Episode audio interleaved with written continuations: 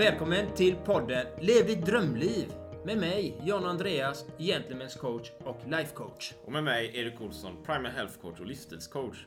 Vi samtalar om livsfrågor, optimal hälsa och äkta rörelseglädje.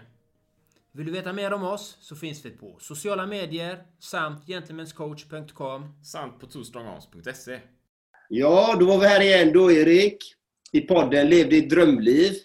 Du var här igen då John Andreas med ännu ett eh, kanonspännande avsnitt faktiskt. Ett väldigt speciellt avsnitt. Men det brukar i och för sig säga då kanske. Men dagens avsnitt ser jag lite extra fram emot. Ja, du brinner ju för det här. Och speciellt detta denna gästen har att erbjuda och sända ut till alla våra kära lyssnare. Med mycket värde kommer ni få här idag. Och vem är våran gäst kommer det vara Erik? Absolut. Och det är dagens spännande gäst här då. Det är Fredrik Eriksson.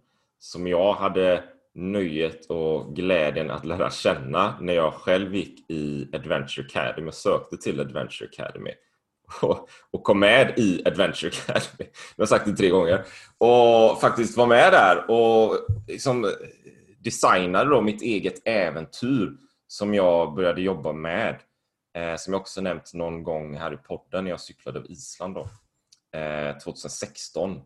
Och just den här känslan för äventyret ute och friheten var ju något helt fenomenalt. Och göra det i grupp också i det här sammanhanget var helt fantastiskt.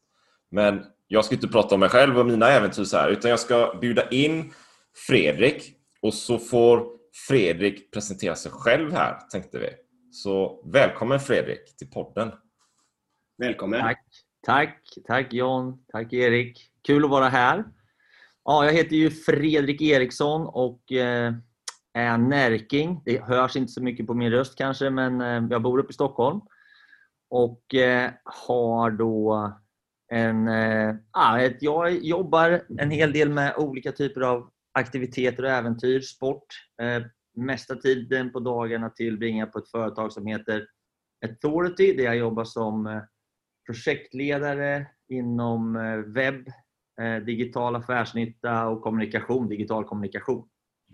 Så, eh, men förutom det, då, så precis som Erik säger, så driver jag också en, ett bolag som heter Årets Äventyr AB som då har en aktivitet sedan 10 år som heter Adventure Academy. Där man då får möjligheten att eh, ja, utforska sig själv och genomföra sitt drömäventyr.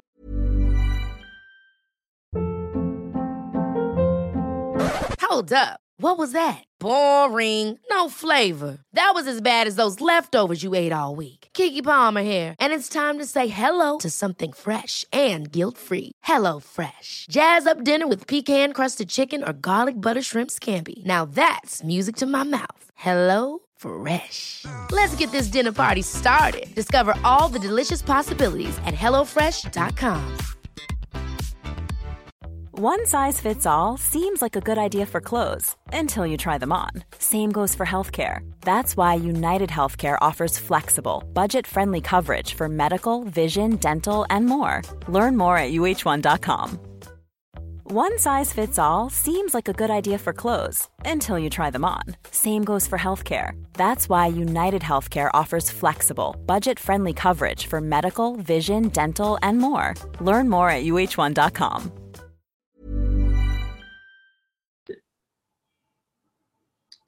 det är lite delar av det jag håller på med. Sen tränar jag jäkligt mycket och jag driver ett, ett företag som håller på med skidåkning också. Där vi tar chefer och VD över Sverige för att ta sig topp 1000 i Vasaloppet. Det heter CCC 1000. Det har också drivit i 10 år. Jag startade Stockholm Swimrun som är en av världens största swimrun-tävlingar. Jag håller på med sjukt mycket grejer. Jag kan hålla på hur länge som helst och prata om vad jag håller på med. Men nu ska vi inte prata just om alla mina olika projekt. Vad är ditt drömäventyr då? Mitt drömäventyr just nu, det är så här att man sätter upp ett mål och så kämpar man mot det. Sen så kanske man klarar av det eller så kraschar man, då får man göra om det. Men just nu så då, det jag håller på och jobbar för nu det är att cykla genom USA. Jag ska cykla genom USA. Jag ska ha bakhjulet i Stilla havet och framhjulet i Atlanten. Oj, oj, oj, oj, oj, vad roligt! Ja, så det är ett stort projekt.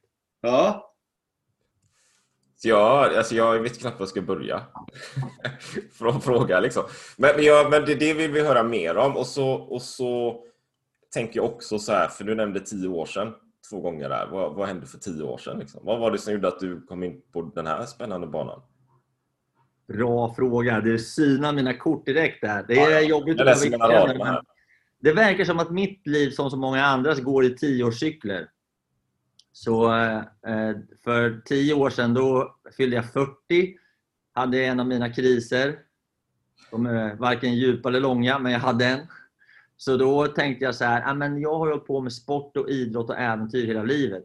Jag kanske skulle ta och liksom kommersialisera det lite grann och göra någonting av det.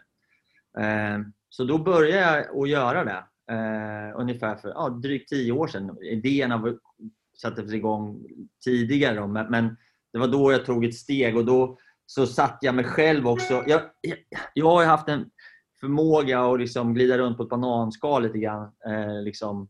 Så jag tänkte att det var dags då när jag fyllde 40 att sätta mig själv lite grann utanför min komfortzon. Både eh, ja, på alla håll och kanter. Så jag sålde en del av mitt, min reklambyrå till två killar. Ena killen var väldigt så här, säljinriktad och jag gick in i ett, ett bolag som heter Team Nordic Trail som jobbar med löpning där vi också hade en annan filosofi.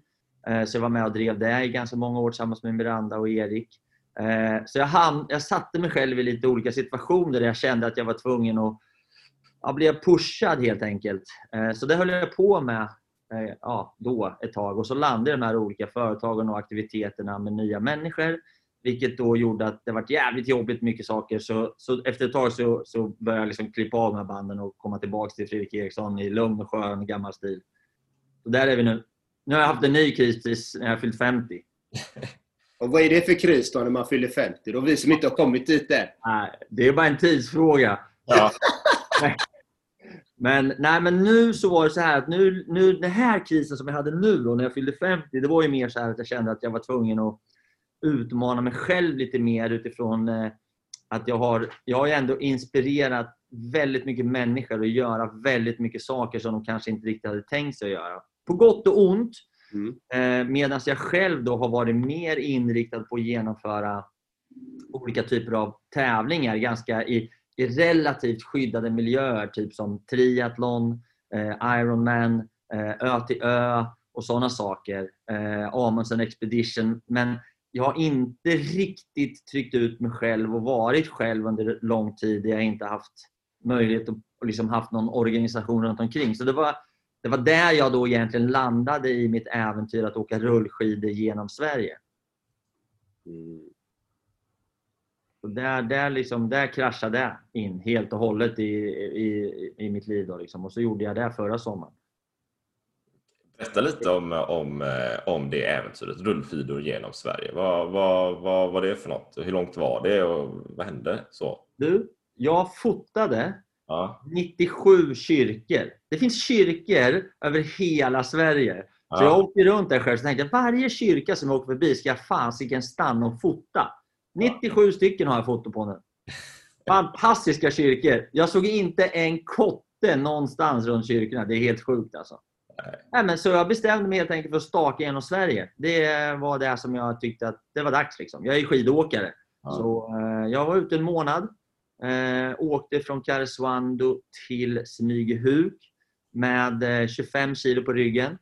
Eh, ryggsäck alltså. Tält, sovsäck, liggunderlag. Eh, och sen eh, ja, var det bara att sätta igång. Jag hade med mig ett filmteam eh, bitvis då, som var med och filmade.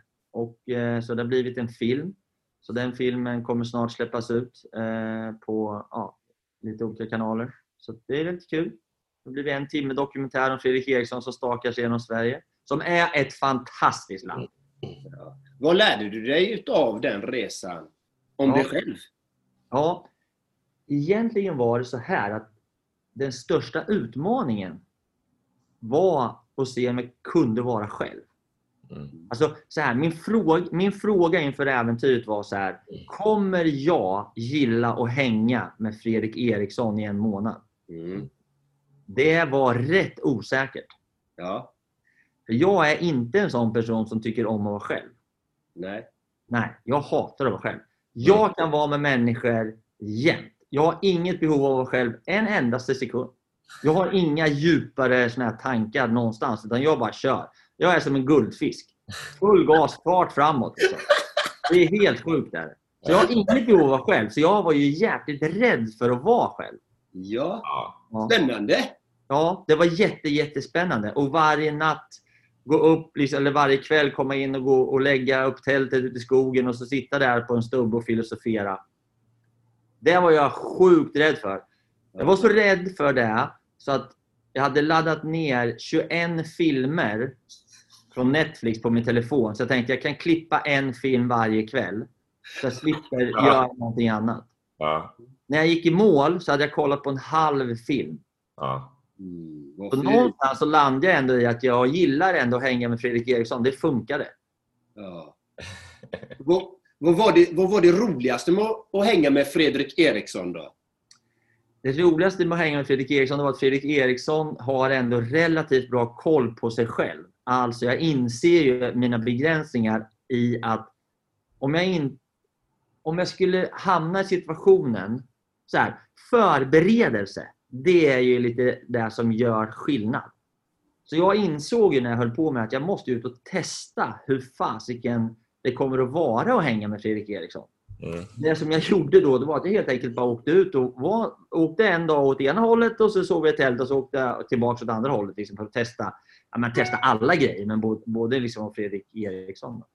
Och då insåg jag det här med att det som jag hade trodde att jag ville alltså så här, kom, åka skid, gå upp tidigt på morgonen som jag brukar göra, åka skidor, käka lunch, åka skidor, komma i mål vid något fint ställe, slå upp tältet, sätta mig i yogaställning, insupa livet och ha stora tankar om mig och livet och miljön.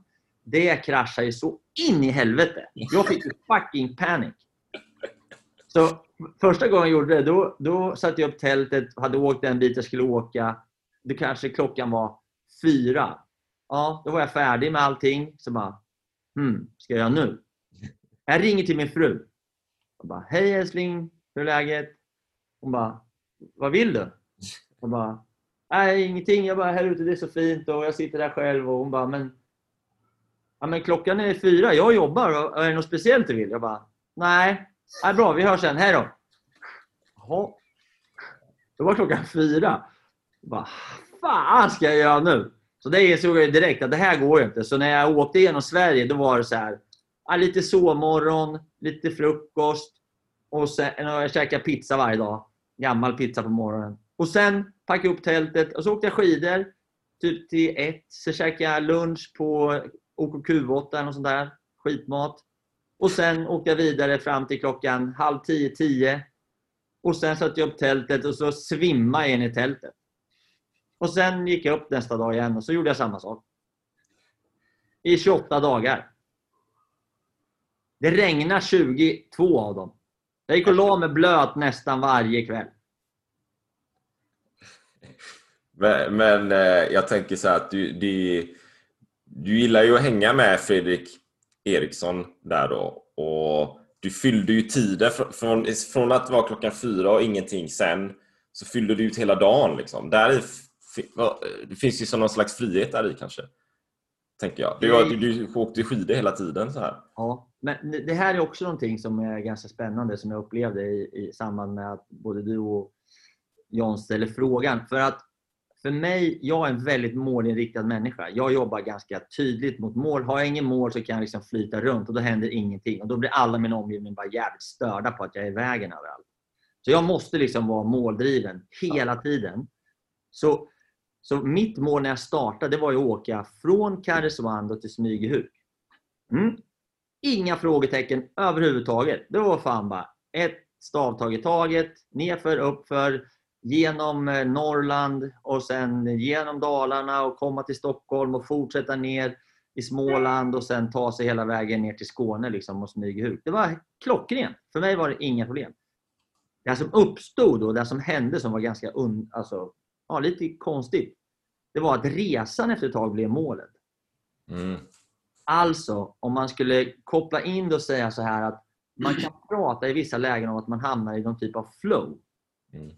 Ja, det har jag bara gjort en enda gång i mitt liv tidigare. Det var när jag spelade innebandy. Och efter den innebandymatchen så kom min bästa kompis som spelade innebandy med mig i massa år och bara Du, vad hände idag? Liksom. Ja, jag vet inte, så. det var jättekonstigt. Jag kommer nästan inte ihåg någonting av matchen, men jag kommer ihåg att jag var liksom Det var min bästa innebandymatch någonsin med hela mitt liv. Liksom. Mm. Och han reflekterar så tydligt över att det var så konstigt att jag var sån skillnad på mig den dagen mot vad det brukar vara. Ja. Och då var jag liksom påkopplad men avkopplad. Mm. Det som hände efter ungefär ja, 10-12 dagar det var att jag hamnade i en situation där jag egentligen på dagarna när jag åkte rullskidor, det är ganska jobbigt att staka 10 mil på rullskidor med 25 kilo på ryggen.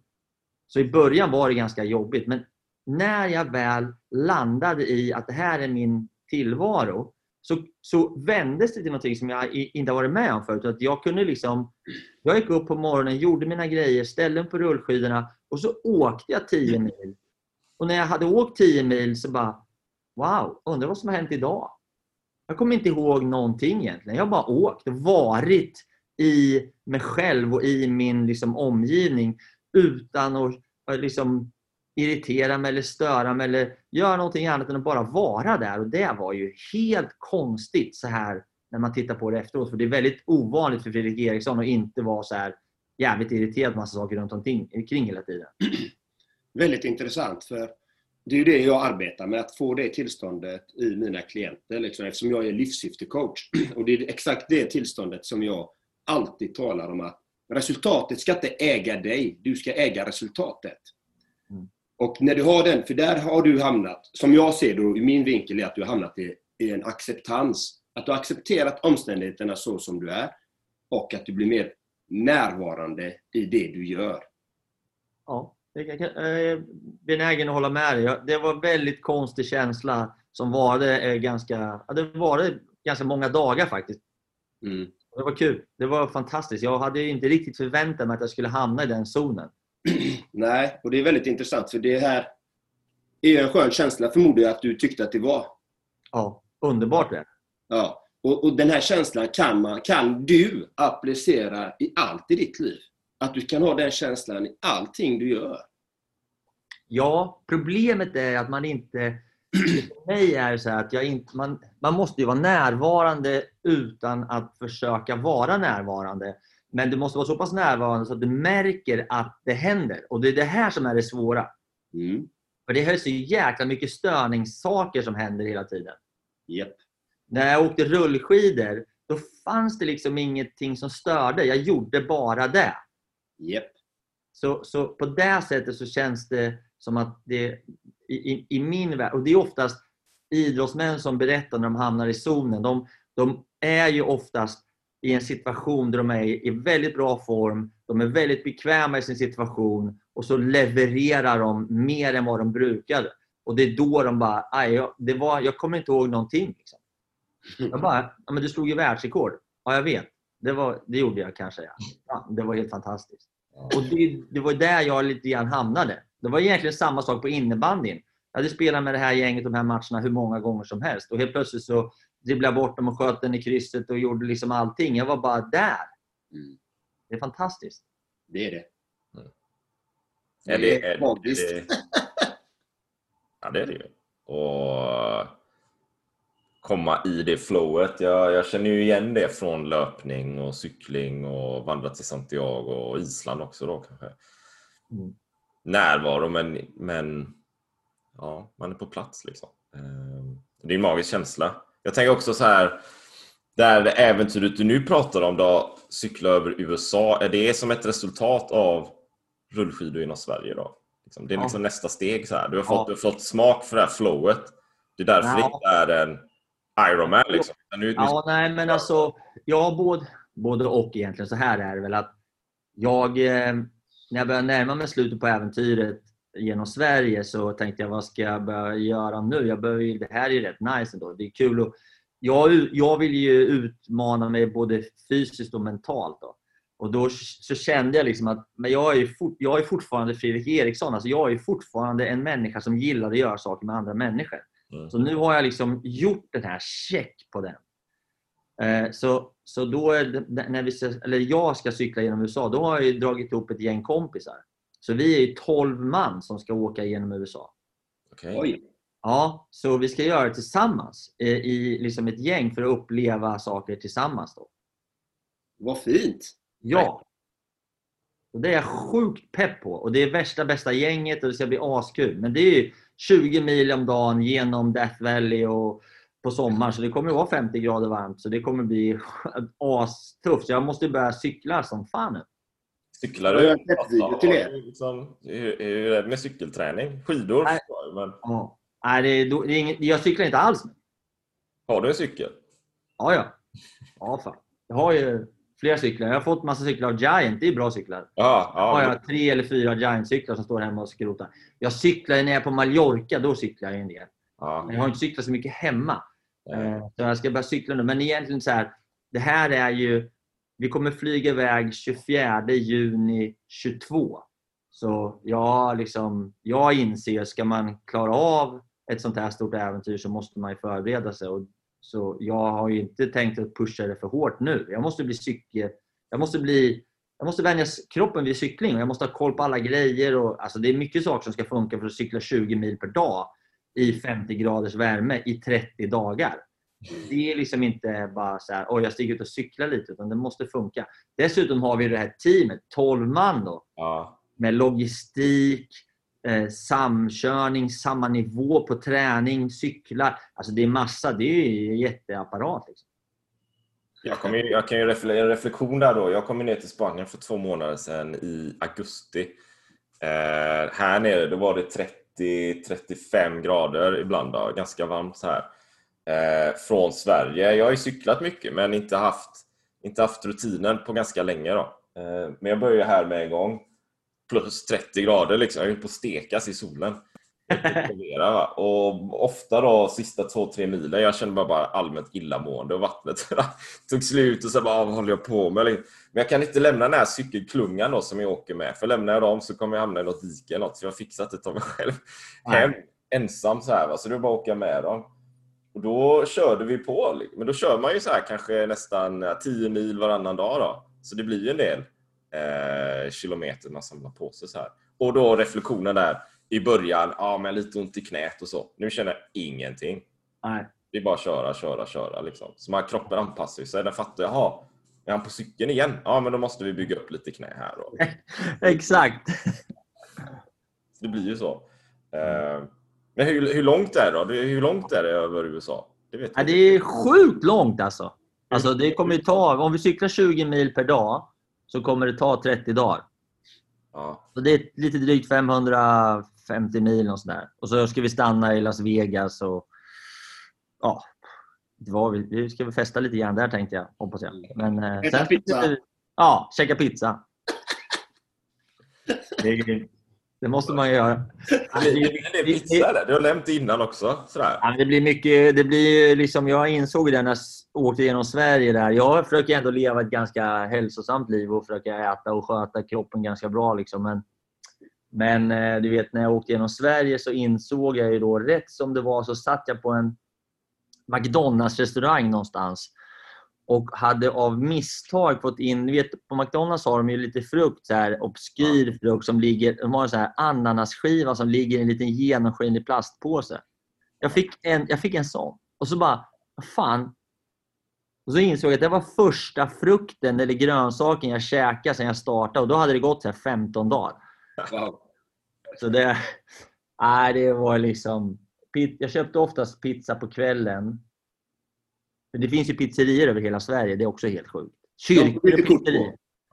Ja. Det är helt, jag har ju testat pizzor över hela Sverige. Helt sjukt är det. Så, så jag, jag köpte oftast två pizzor på kvällen. Så, så stoppade jag ena, liksom i, ena stoppade jag i en påse. Och så hade jag den till frukost och den andra käkade upp. Men det, ibland kan det väl vara så, det är min erfarenhet, när man är ute i fält, ute på äventyret. Då, då, alltså det är svårt, då, man får ju ta det som finns. Så, ibland. Ja. Det, är- det är ju inte så här att man åker förbi värsta hälsogourmetbuffén varje dag direkt. Utan det är ju kanske en pizzeria som finns där. Och sen ska man vara helt ärlig att om man, oavsett vart man kommer om man, till Statoil eller Shell eller Q8 eller vad de nu heter, Circle K och så här. Det är sjukt dålig mat på de här jäkla ställena så man blir helt knäckt. Liksom. Det ligger en liksom, brun banan och två dåliga äpplen och sen är det liksom godis och korv och glass och dricka. Det, det är fan sjukt. Är det. Vet du vad jag lärde mig? Vill du ha ett trick? Ja. Om du kommer till en sån här om du kommer till en sån här bensinstation någonstans som ligger i en liten håla som inte har nattöppet. Ja. Det, det gjorde jag, för jag åkte inte på de stora vägarna. Så där fanns det ju massa såna här olika bensinstationskedjor som stängde oftast vid 10. Mm. Och om man är där, då, vilket jag oftast var, då, vid halv tio, tryckte i mig en sån här korv och en pizza och lite, köpte drickor och godis. här, Då är det så att då, om man hänger kvar till 10, då stänger de.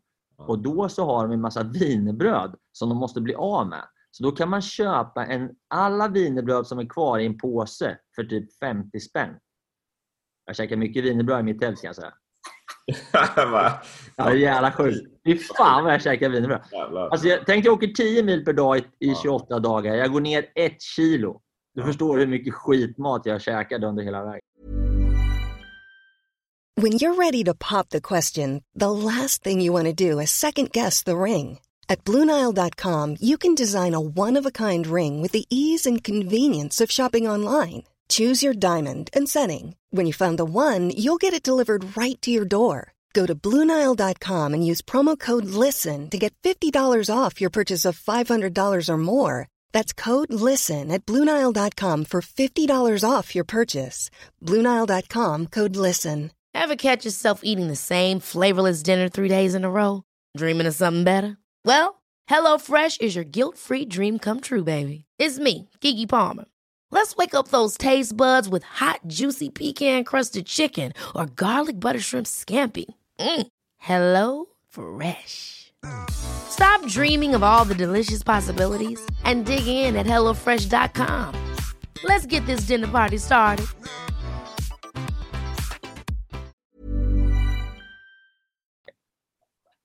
Kan det vara så här om man, om man eh, kör ett långt äventyr och man äter den typen av mat och man äter det som finns tillhanda. Kan det finnas någon slags hälsokompromiss där då? Man gör, kan man tänka sig. Så man jag vet, får betala efteråt så här eller har du någon tanke om det? Nej, jag vet inte. Det där finns ju säkert... Alltså jag är ju en människa som tycker om att ha det bra. Liksom. Jag tycker inte om att liksom, eh, leva alldeles för principfast utan man måste kunna... Eh, även om jag, är, jag skulle kunna säga att jag är vegetarian så skulle jag aldrig säga att jag är vegetarian för dyker det upp en oxfilé så käkar jag den. Liksom. Eh, jag skulle kunna säga att jag är nykterist, men det är jag inte heller. För dyker det upp en, en bira en fredagkväll med två polare, då drar jag en, två eller tre bärs. Det är inget konstigt alls. Så utifrån det perspektivet så skulle jag säga så här, ja, vill man, vill man åka ut och pressa sig själv hårt och dessutom då äta grönsaker, ja det är väl fine. Det får man väl göra om man vill. Jag skulle inte göra det. Jag tycker både om att äventyra och jag tycker om att må bra. Så det hade ju bara blivit stök för mig om jag hade kommit in på OKQ8 och börjat runt om att de skulle göra om mackan, ta bort korven, eh, köpa den sista bananen. Alltså det, det hade inte gått. Så då hade jag fått hålla på och släpa runt på massa egen mat och det tyckte inte jag, det var inte, det, det var inte därför jag gjorde äventyret. Men jag har all respekt för människor som håller på att torka sin egen mat och gör sådana saker och tycker att det är viktigt i sin, i sin, i sin situation. Men för mig är det inte viktigt. Mm. Sen, sen kan man diskutera, förlåt, men sen kan man också diskutera om prestationen hade blivit bättre. Är ni med? Ja, ja. För, för, för det är mycket möjligt att det kanske hade blivit. Men då ska man veta så att jag sätter för mig är prestationen alltså fair enough. Jag vinner ju liksom, det är som när jag är helt övertänd hemma och jag ska sticka ut och tycker till Elisabeth liksom att nu, nu, nu måste jag ut och träna. Liksom. Hon bara, ja men du vet Fredan, du har ju det här och det här att göra hemma först. Jag bara, ja men vad fan. Liksom. Hon bara, ja men ska du vinna Vasaloppet i år? Jag bara, Nej, det ska jag inte göra. Nej, bra. Jag ville bara kolla så vi har rätt fokus här hemma. Då får man skita i att träna så får man ställa sig och stryka eller vad fan man ska göra. Går du inte ut och, går du inte ut och ändå bara, nej jag ska inte vinna Vasaloppet, men jag ska ut och träna! Ja. Men det är det här man måste komma till någon typ av balans alltså med, med sin familj och sin omgivning. För det är rätt lätt som Ja. medelålders man som jag är och har ett mål att komma liksom, topp 1000 på Vasaloppet. Att man, man, man blir så jävla inne i sin bubbla. Och man Mm. tycker liksom att det här är det enda som är viktigt. För man kan ju jobba och träna hur mycket som helst. Det finns liksom ingen, när man är i den här åldern, man, liksom, man kan bara hålla på. Och rätt som det är så har man liksom, ja fan, där kraschade det förhållandet och där sprack den relationen och mina barn undrar vem är du? Och, och det är ju rätt lätt och då är en sån här kommentar som Elisabeth säger, du Fredan, tänkte du vinna Vasaloppet i år? Mm. Nej, nej, nej, jag ville bara kolla så vi har samsyn på vad som gäller hemma. Liksom. Och då får man ju välja helt enkelt att säga att men, träningen är inte det viktigaste i mitt liv. Nej. Nej, men det, det är som du säger, det, det, man kan ha balans i alla områden. Den är den viktigaste, tycker jag personligen. Att man har balans i alla områden. Så att man, det är lätt att fokusera bara på ett mål. Och då fallerar alla andra saker. Hälsa, relationer, även finanser. Det kan vara precis vad som helst. Bara man fokuserar på ett mål. Men det gäller ju att fokusera på alla målen samtidigt. Att faktiskt se vad är viktigt i mitt liv. Sätta det på pränt. Det här är de viktiga faktorerna. liksom. Ja, men det är som nu när jag håller på att dra ihop det här gänget som ska åka genom USA. Då är det ju direkt om en fyra, fem av de här duktiga cyklisterna som ja, vad ska vi hålla för snitthastighet? Eh, ska vi, hur mycket ska vi stanna? Eh, ja, men de- börjar ju direkt. Liksom, vad finns det för rekord genom USA? Jag bara, nej vänta nu, stopp. Det här är inte Fredrik Eriksson alls. Liksom. Vi ska åka från Stilla havet till Atlanten och vi ska göra det med ungefär 20 mil per dag. Och jag skiter fullständigt i om det blir 18 en dag, 16 andra dagen och 22 tredje dagen. Mm. Vi ska kunna stanna, vi ska kunna kolla på den här sevärdheten, vi ska kunna dricka ett par bärs med hillbillies och vi ska liksom göra ett sån, en sån... Det är mer en upplevelse än att försöka slå någon typ av rekord. Så det är oftast det som, jag, som gör att jag, ingen... Man, det, för mig är äventyret själva grejen. Mm. Jag Det är som du, som du sa där med rullskidor att istället för att bara ta sig till, till, till, till målet liksom, raka vägen ner så blir ju resan grejen. Då.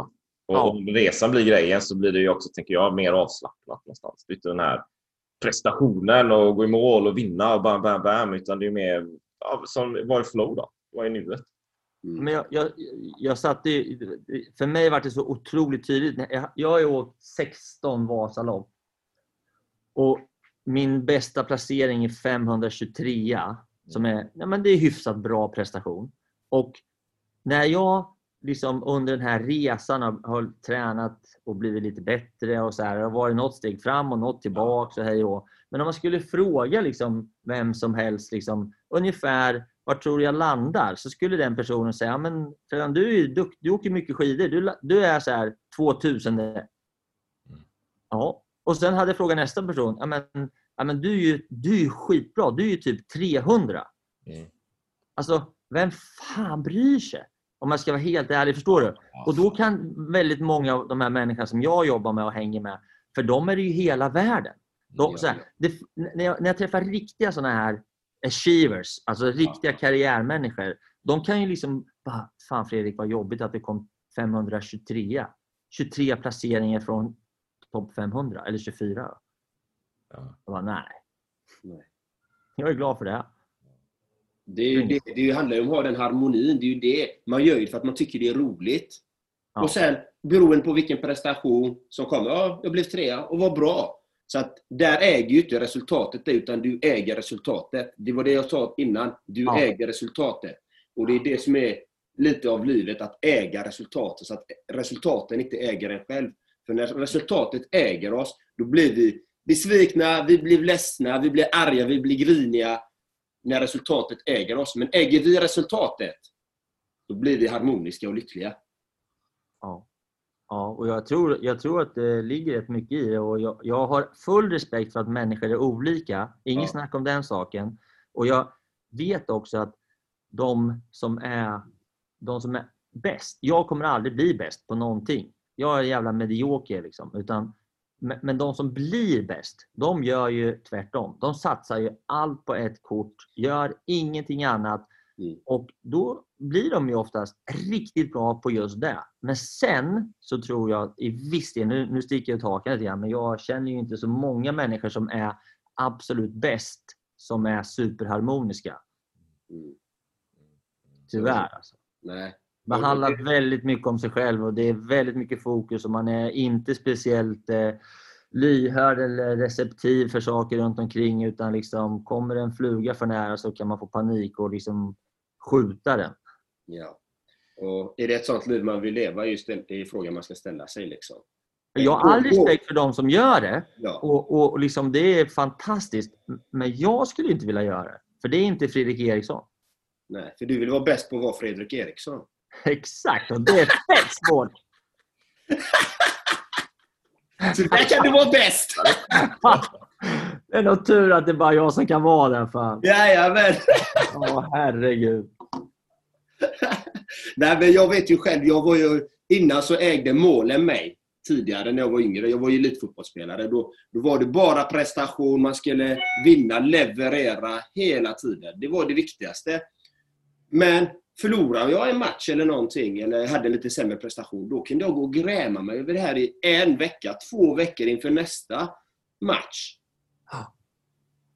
Det är ett lidande det. Man mår inte bra. Man blir ju grinig, man blir ju irriterad. Gå, gå och bära på den här, det är ju helt meningslöst. Insåg jag ju. Eh, när jag blev äldre. Att, va- varför ska jag göra det? Och visst, jag kan ju ändå prestera bra. Jättebra. Men äga resultatet. Att resultatet inte äger mig. Känna, jag har gjort mitt bästa efter mina förutsättningar. Det är fine enough. Det är bra. Ja. Lite, det är en lite mer ödmjuk inställning till sig själv och till livet. Att faktiskt vara ödmjuk inför det. Att, ja, jag har gjort mitt bästa. Jag, ja, jag kanske inte gjorde de bästa förutsättningarna eller förberedelserna inför den här matchen. Därför fick jag de resultaten jag fick. Så att man är, faktiskt tittar på det. Varför man får de resultaten man får. Ja. Så jag tycker det är väldigt intressant eh, det du säger att, att du kom in i det här flowet och inte eh, med, med resan till USA också. Att det handlar om faktiskt att vara i äventyret. Att faktiskt ta vara på det. Att det inte är resultatet. Slutmålet är ju att ni ska komma till andra sidan. Ja, det är slutmålet. Men hur kommer ni dit? Det är ju resan, äventyret som är det viktiga. För dig. Jag har, jag har en, en, en eh, relaterad fråga till det. Så, sätt och vis. För, för rullskidor är ju på egen hand. Eh, cykla över USA är ju i grupp då. Eh, fast det, det är ju en, en, en, en, en närmare grupp med, med kompisarna på det sättet. Men jag, du har ju också gjort 16 Vasalopp och du har kört en del Ironman också. Hur, hur många har du kört? Två Ironman. Två Ironman. Och, och de är ju... Det är två olika grejer tänker jag här någonstans. Liksom. Det ena har ju organiserat i någon sån här tävlingsorganisation. När man har styrt upp grejer och det finns folk som hjälper till och det finns stationer och det finns vatten och det finns gällbar så jag vet inte, massa grejer liksom. Och det Ja. andra är ju, det är ju det är ju du eller ni. Så. Det är ju någon, det är ju någon, det är en annan känsla på det. Vad, upplever du någon slags skillnad med de här två? Hänger du med? Ja, ja jag, jag, bo, alltså det är såklart det finns skillnader. Jag, jag tror ju att jag lever ju efter en devis egentligen som, som är så här att dröm det, planera det, berätta det och gör det. De flesta andra teorier bygger på dröm det, gör det. Och så lägger man dit att ja, du ska planera det. Jag tycker en viktig del är att berätta det. Och här finns det då liksom i min egen teori som jag, som jag både lever efter och försöker jobba efter och försöker lära ut. Det är att om du har din dröm, vi tar den. Din dröm är att bestiga Mount Everest. Det blir ganska tydligt om man försöker liksom förklara skillnaden, vad jag försöker få människor att förstå. Vi är ju svenskar, vi har ganska mycket såna här jantelags eh, häng över axlarna som gör så att inte kan väl jag och hej och hå. Man knyter näven i fickan och helst så skulle en vanlig svensk vilja bestiga Everest utan att berätta eller att någon visste om det. Och man kommer ner och kommer hem, publicerar boken och säger Fan, vad var det jag sa? Alla bara, du har inte sagt något. Men så, så i, min, i min värld så är det så här att okej, du ska bestiga Mount Everest. Du börjar med att bestiga Hammarbybacken. Sen efter det så bestiger du Kebnekaise. Sen efter det så bestiger du Mont Blanc. Och sen efter det så åker du och hänger lite grann på Basecamp i Mount Everest. Och sen så småningom så kanske du då gör en, en satsning för att bestiga Mount Everest. Men hade jag då i min värld där jag då säger dröm det som man gör nu, det vi har pratat om. Planera det, berätta det och gör det. det. Den lilla, lilla skillnaden här det är att om jag skulle komma och säga till någon person att jag ska bestiga Mount Everest nästa år. Då skulle den personen säga så här. Kul! Eh, lycka till! Men skulle jag komma till en person och säga så här, du, nu har jag bestigit Hammarbybacken, jag har bestigit eh, Riksgränsen eller Kebnekaise, jag har bestigit Mont Blanc, jag har varit på Basecamp ett par gånger och nu så tänkte jag satsa på Mount Everest. Då skulle den personen säga så här, ja just det, det har jag sett, jag har koll på dig. Du, vet du vad? Jag känner den här personen som har gjort det här. Eller, jag har den här personen du kan kontakta här. Eller, jag har det här företaget som vill ha hjälp med det här. Eller skulle du kunna komma och berätta om din planering och hur du har gjort det. Det här är skillnaden som gör när man håller på och försöker pusha sig själv att man lyckas. Det är det här som är grejen. Att man vågar lägga in det här att jag ska berätta det. För det som händer då, det sätter igång massa olika saker med människor i din närhet. Och den här kraften som finns, för, alltså, ni förstår skillnaden i att komma och säga att jag ska bestiga Mount Everest. Och då, första frågan är så här, som svensk polite som man är. Vad kul, lycka till! Men om det finns en förklaring, om man tror på mig och, och det jag ska göra, så kommer man öppna upp sitt nätverk, man kommer vilja hjälpa till, man kommer vilja stötta, kanske till och med bidra.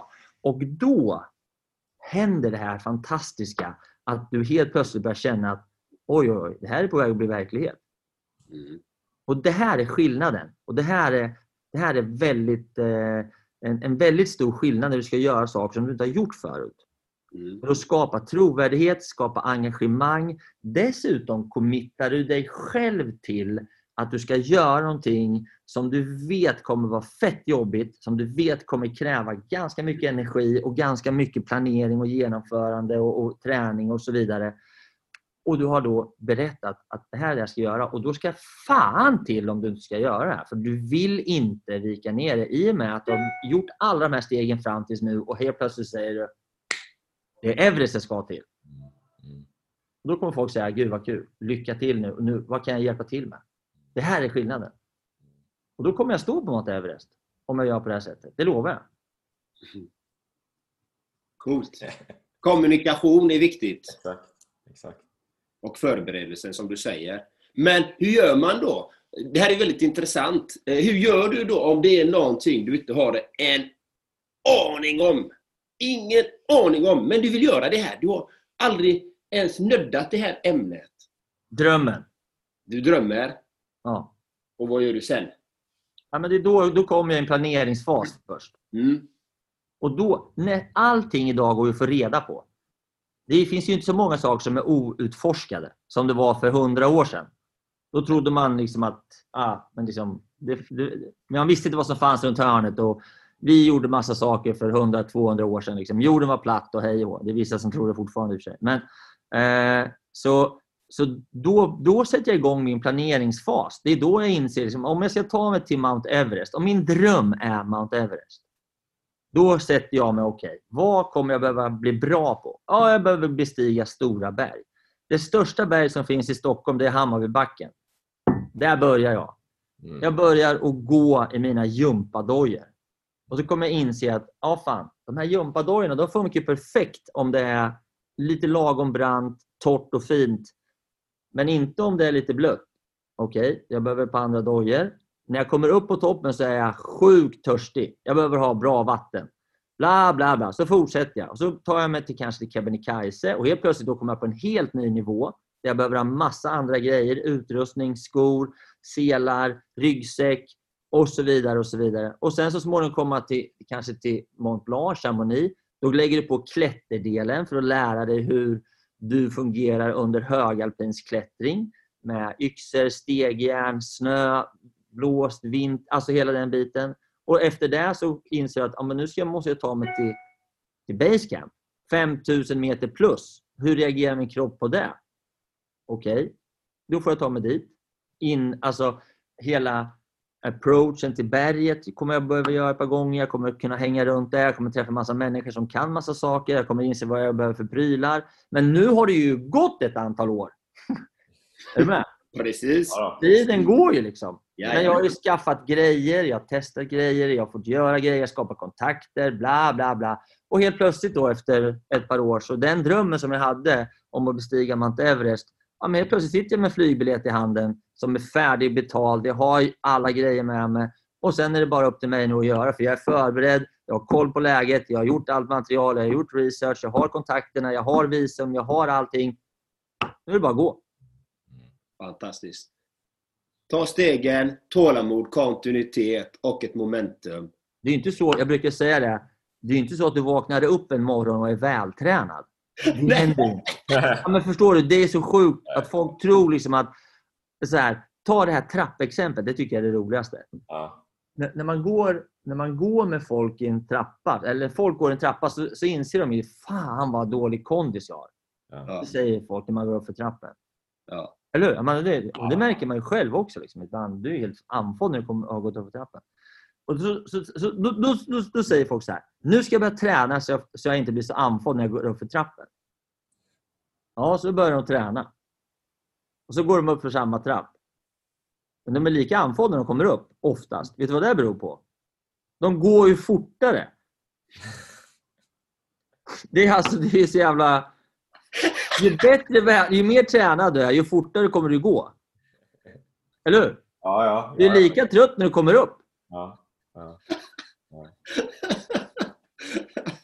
Liksom bara för att man är vältränad så blir det inte mindre jobbigt. Man kör ju bara hårdare. Det är så det funkar. Lära sig gå långsammare. Ja, mer meditativt i trappan. ja inte i trappen kanske. Ja, men så är det ju. Så här, I ett mikroperspektiv så här, med cyklingen här till exempel. Jag, jag har inte cyklat så mycket då, så jag tog ner grejerna. Jag märker ganska snart att fan, det är rätt vingligt de här grejerna. Alltså, jag behöver uppdatera lager och prylar och kläder och småsaker och hit och dit. Och, och shit, den här långa backen bara. Varför cyklar alla ifrån mig? Varför är inte jag, varför är inte jag mer vältränad på det här? Jag, jag springer ju. Hej då! Och så eh, kör två månader senare så ligger jag i täten istället upp för den här backen. Då. Ja. Det är hela tiden här, små anpassningar, små anpassningar, små anpassningar i kombination med att det faktiskt är sjukt kul. För Det är det som är det viktiga. Liksom. Hade det varit så här, nej men alla drog ifrån och tråkigt, jag orkar äh, då, då, då, då blir det något annat kanske. Då börjar man springa någonting. Men om det känns så här, ja, men det finns ju en dragningskraft, det finns ju en magnetism här. Jag vill ju bli bättre på det. I kombination då kanske, som du också berättade Fredrik, om, om det sociala, så här, att det är en sjukt bra cykelklubb. Så det är ju roligt att bara hänga med dem. Liksom. Jag tror inte jag hade cyklat själv på det sättet. Det, det ser jag inte. Varje dag, så här 10 mil. Någon gång kanske. Men när man har det sociala så blir det en annan grej. Då snackar man och man tävlar lite och man kör hårt när man vill och det är uppförsbackar. Och... Det är en helt annan kontext. Då. Och det är bara på två månader. Ja, absolut.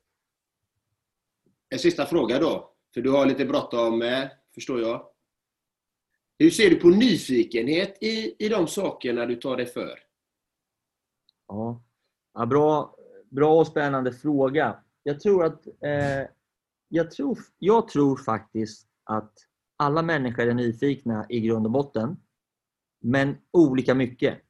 Och man har olika säkerhetsspärrar som står in. Så det, här med att drömma. Istället, jag tycker att det är bättre att prata om att, att våga drömma än att, än att försöka vara nyfiken. För det är så, det är så det är lite tabu i vissa lägen. Man får inte vara för nyfiken. Jag tycker det är sjukt synd. För hade människor varit mer nyfikna hade de sagt mer ja än nej.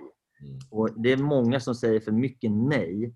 Eh, ibland är det naturligtvis väldigt bra att säga nej. Men jag älskar människor som är nyfikna, som säger ja, som vågar testa. Eh, jag anser mig själv vara en sån person som både säger ja men också behöver säga ja för att känna att jag lever. För mig är det starkt kopplat till mitt sätt att vara som individ och människa och våga säga ja. Eh, och, och, och, och helt enkelt bara kasta mig ut ibland och känna att "Aj, nu får jag fan svindel. Liksom. Men, ja. Men vi tar, kan vi ta en till? Vi tar en till. Eller hur? Okej. Jan Andreas. Och det är ju det här, det är vår, vår, vår, den stora frågan här då. Eh, Fredrik Eriksson, lever du ditt drömliv? Om jag lever mitt drömliv? Ja. Alltså, jag och nej. För det är så här, kan jag tycka, utifrån Fredrik Erikssons lilla perspektiv, att ja, jag lever mitt drömliv. Fan, jag har det fett bra. Jag är sjukt nöjd med... Ja, jag har en fantastisk familj och en fru och barnen är skitduktiga. Och jag har en lägenhet på Mallorca, jag har ett trevligt jobb och jag älskar liksom mina vänner och kompisar och jag mår sjukt bra. Hej och hå liksom. Men det är såklart, någonstans så måste man ju ha ett driv. Och drivet kommer ju mycket av att man vill fortsätta och utvecklas och känna att det finns nya saker runt hörnet. Annars kunde jag ju sätta mig och bli pensionär nu och, liksom och skala bananer. Och det har jag ingen lust med alls. Så jag lever mitt drömliv men jag tror fortfarande att det finns ännu mer saker att utforska och testa och göra. Och det är där jag känner att utvecklingen finns för mig. Sen vad det är, det kan vara USA, eller det kan vara ett äventyrsmuseum eller det kan vara någonting helt annat. Men till mångt och mycket, eh, John och Erik, så är jag, är otroligt glad och tacksam för det liv jag har just nu. Och jag eh, njuter av det varje dag, ska jag säga. Och det är det jag menar, du har ju en nyfikenhet. Det, det, du vill ju lära dig nya saker. Där kommer nyfikenheten in. Ja. Även om man mår fantastiskt och har helt underbart och är tacksam för allting så finns det den här nyfiken. Vad finns där bakom hörnet? Vad kan jag lära mig mer? Vad kan jag titta på? Vad finns det mer i livet? Det är Ja. den här nyfikenheten som driver oss framåt. De som är drivna många gånger. Det finns en nyfikenhet där. Så äh, jättetrevligt att ha dig här Fredrik. Verkligen, verkligen, verkligen roligt måste jag säga. Tack ska ni ha. Tack ska du ha Fredrik, helt fantastiskt. Och lyssna på podden, lär er mer om äventyr och Fredrik Eriksson och rullskidor och eh, hur det är med flow. Eh, för alla lyssnare där ute såklart. Så tackar vi för oss idag. Och så får ni ha en magisk dag helt enkelt. Magisk dag till er där ute lyssnare. Ha det gött! Hej! Ja, hej!